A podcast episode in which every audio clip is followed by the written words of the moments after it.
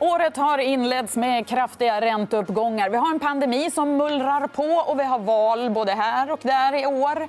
2022 kommer att bli spännande och det ska vi prata om med Carnegies egen omvärldsstrateg Henrik von Sydow. Du tittar på EFN Marknad. Nu kör vi.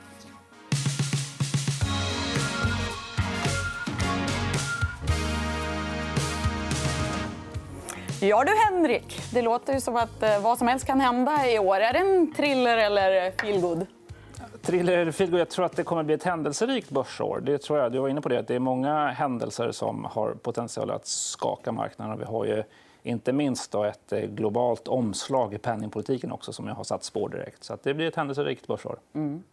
Vi ska eh, prata en hel del om vad det är som påverkar, kommer troligast att påverka. Men om vi tittar bara här på börserna först. Eh, nu när vi spelar in det här så är Stockholm ner 7 S&P runt 5 eh, vad, vad säger du? Har har utsikterna för tillväxt egentligen förändrats? Eller eh, vad ser jag tror att de rörelser som mest har påverkat börsen i början på året är att vi har sett väldigt snabba rörelser både i ränteuppgångarna vi har också sett snabba rörelser i oljepriset. Och det finns ju egentligen inga marknader som gillar så att säga, den hastigheten i, i prisrörelsen. Vi sett. Och det tror jag skapar en oro framåt och en korrektion. som vi har, vi har sett. Det har också varit väldigt kraftfulla rörelser på börsen i bemärkelse inte bara att det har varit en liten korrektion utan också en rotation. Den mm. rotationen från, från tillväxt till värde har ju varit ja, historiskt snabb och stark. Mm. Men klok.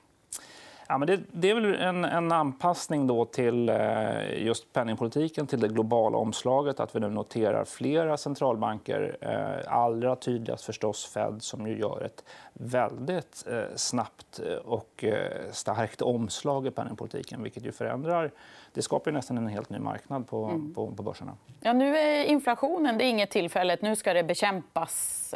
Ja, men jag, ty jag tycker, uppenbart går ju Fed i, i främsta ledet för det här. De verkar ju väldigt målmedvetna. Och samtalet handlar ju förstås om då blir det tre eller fyra räntehöjningar under året. Första tillfället då i mars. Blir det 25 eller blir det 50 punkter? Hela tiden justeras ju både takten och storleken på, på eh, räntehöjningarna upp. Dessutom pratar de då om det här egentligen tre faser. Att man också mot andra H2 så att säga, efter sommaren ska börja minska balansökningen. Så det där skapar en helt ny dynamik, en helt ny logik för, för börserna. Mm. Ja, eh, vi ska snabbt bara titta. Tioåringen då, som du nämnde, nu är den uppe på eh, ja, över 1,8 procent. Det, ju, det här är ju ett tecken som du var inne på, då, att, att investerarna lämnar börsen. kanske. Men eh, den här hastigheten som du nämnde, eh, hur pass hur pass skräckinjagande är den egentligen? Ja, men det har kommit till uttryck i, i den korrektionen som vi har sett. Mm. Eh, vi har ju varit vana de senaste eh, två, tre åren om att vi hela tiden har väldigt hastiga rörelser. Det går snabbt ner, det går snabbt upp. Det såg vi stora pandemiåret, det såg vi 21 som ju var ett väldigt starkt börsår, inte minst här i Stockholm. Eh, men den trenden fortsätter. och Det där ställer ju krav på investerare mm. att eh, då hänga med i svängarna och positionera om sig återkommande. Mm. Vi ska strax prata lite mer om det politiska läget i Europa och i Sverige. Men först det geopolitiska läget. Det är otroliga spänningar just nu. Hur påverkar det här börsen? Ja, men oftast är det så att geopolitiken påverkar börsen och blir en marknadsfråga när det påverkar bolagens vinster. Och mycket tydligt då med den akuta krisen som ju har mycket uppmärksamhet på sig nu så kan man se att det kommer till uttryck i högre gaspriser. Mm. Det där kommer ju, och får vi tydligt högre gaspriser över en längre period så kommer det att påverka bolagens eh, kostnader helt enkelt och vinster. Det är också så att geopolitiken så att säga, får, blir marknadsfrågor när det eh, slår mot bolagen via handel och via sanktioner. Vi har en helt ny normalitet nu. Eh, med, så att säga, liksom, Trumps handelskrig har ju inte reverserat, utan det ligger ju kvar. Vi får en allt mer så att säga, sanktionstyngd ekonomi. Nu kommer då möjligen ännu mer av den här ekonomiska konfrontationen. Den, det är klart att när man väl gör detta så kommer det eh, då att få konsekvenser för, för bolagens vinster och slå mot detta. Sen också mycket tydligt, och, eh, vilket vi har sett i eh, Moskvabörsen som har backat mycket kraftigt från slutet på november när spänningarna började kring, kring Europas östra gräns då, ehm, så, så klart att hotet och risken för militärt våld det tar ner riskviljan. Det vet vi också. Så att det där geopolitiska faktorn når börsen genom eh, energi, eh, olja, och elpriser. Det når det via handel och sanktioner och gör det med den här då risken för militärt våld som tar ner riskviljan. Mm. Du har tagit ut tre stycken risker som du tycker är extra... Eh, Jag tror att det är ett sätt man får göra. Ja. Man, geopolitiska risker är ju väldigt svårt att som investerare påverka. Men det du kan ja. göra är att faktiskt då försöka sortera dem och mappa dem och identifiera dem. Vad man, vad man kan se framför sig. Vad är det för processer? Mm. Vad är det för händelser som vi har runt hörnet under året? Mm. Det som, det jag skulle peka på tre, tre processer och tre händelser. Då. Dels är mycket tydligt så att eh, USAs och Kinas ekonomiska, teknologiska och militära intressen kolliderar eh, kring Taiwanfrågan. Eh, den är också ekonomiskt central. Hela eh, den handeln som utgår från Sydkinesiska havet. Du har chiptillverkningen, du har halvledarproduktionen där vilket gör att en, så att säga, en, geopolitisk kris där får direkt eh, återkopplingar till, eh, till, eh, till världsekonomin. Så det skulle jag säga är det enskilt, enskilt största. Mm.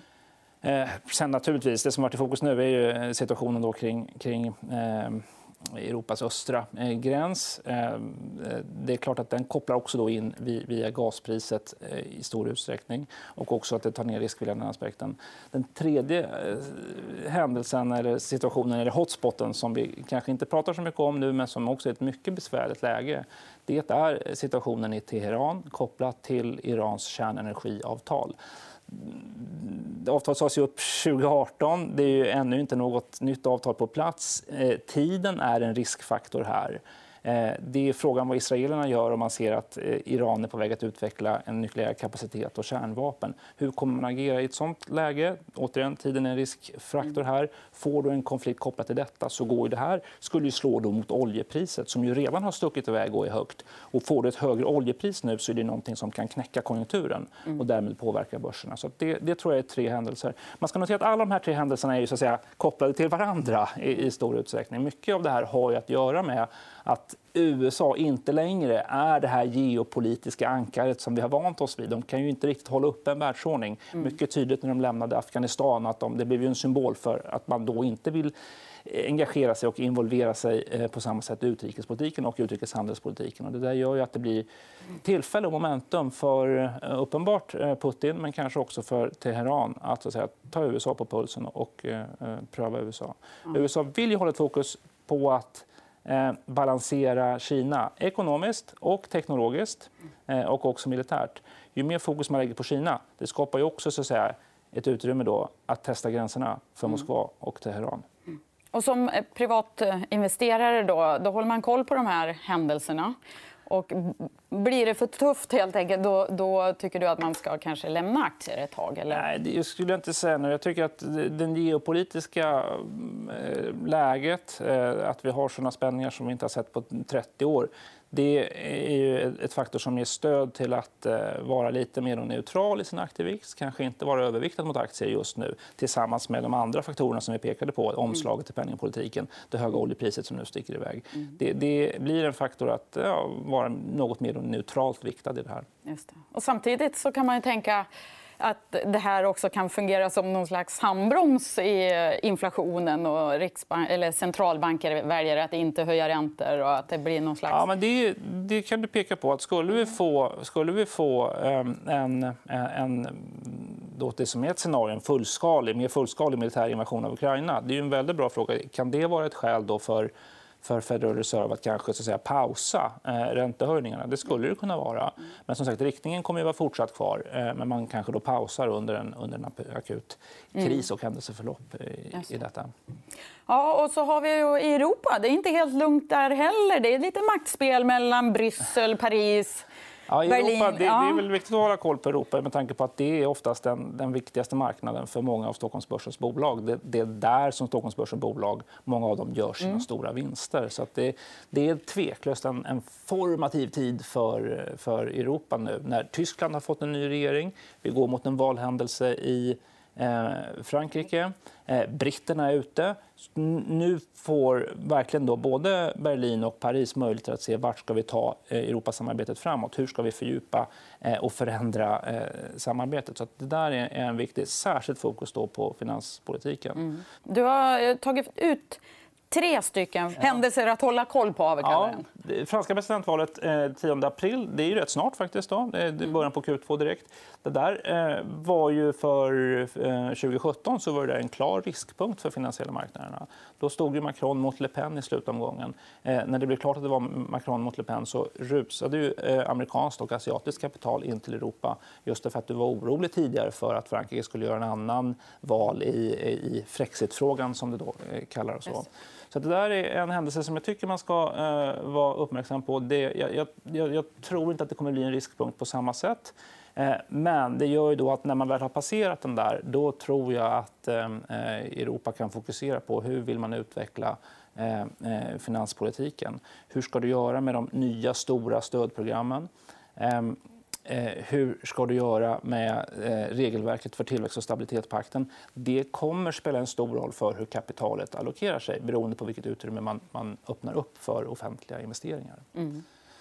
Så det där, jag tycker det är också mycket spännande förstås då, med, med den nya tyska regeringen. Som det har hänt så mycket runt omkring oss har inte varit så mycket fokus på det där. Alltså, men de har ju en, en, en, ny koalition. De förbereder en, en, en väldig offentlig investeringsboom. Eh, det är mycket intressant hur de nu har en plattform som delvis då kringgår de här konstitutionella begränsningarna som Tyskland har haft så tydligt på mm. att göra offentliga investeringar. Nu vill man kringgå det här med att ge den egna nationella Investeringsbanken sätta den på steroider. Du vill bygga upp investeringsfonder vid sidan av statsbudgeten. Du ändrar beräkningsunderlaget i statsbudgeten vilket möjliggör fler offentliga investeringar.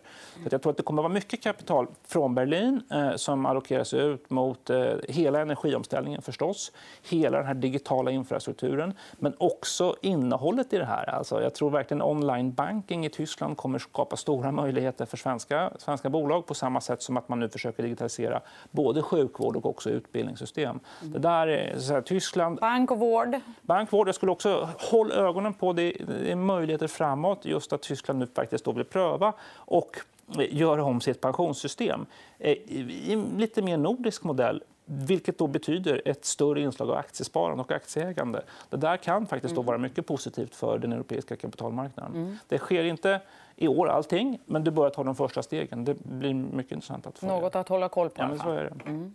Ska vi kolla hur det är här hemma? Då? Vi har faktiskt valår om inte annat. Ja, men så är det. Eh, det där märker ju flera privata investerare av. Redan förra året så såg vi många allt fler skarpa rubriker om eh, nya eller skärpta kapitalskatter.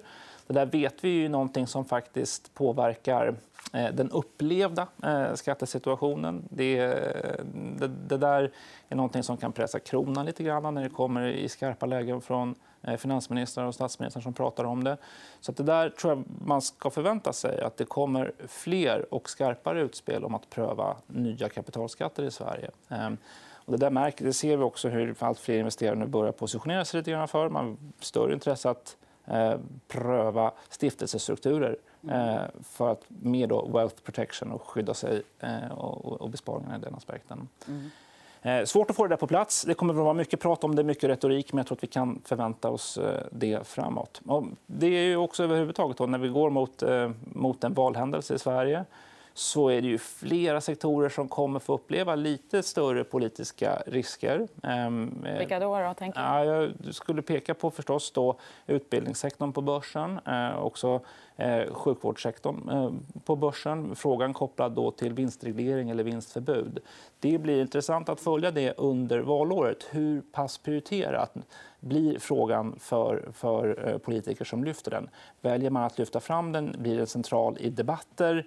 Eh, det avgör ju vilket mandat och hur politiker prioriterar det inför de förhandlingar som kommer förmodligen då efter, efter valdagen och valhändelsen.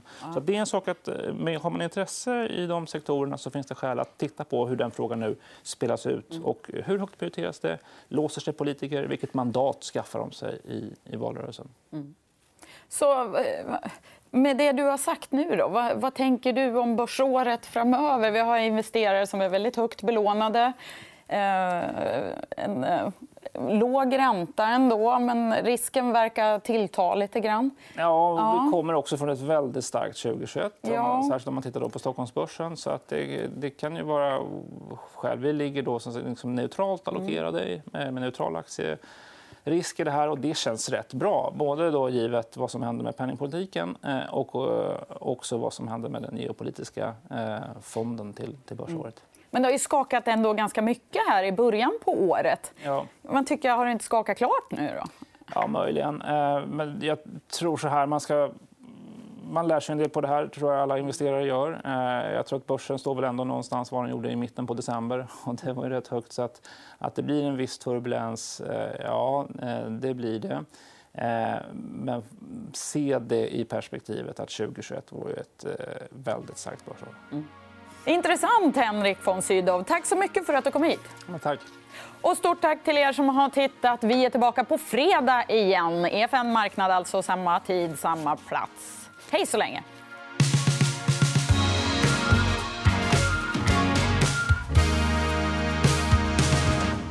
Du har lyssnat på EFN Marknad, en podd av EFN Ekonomikanalen. Mer om ekonomi och aktier finns på efn.se.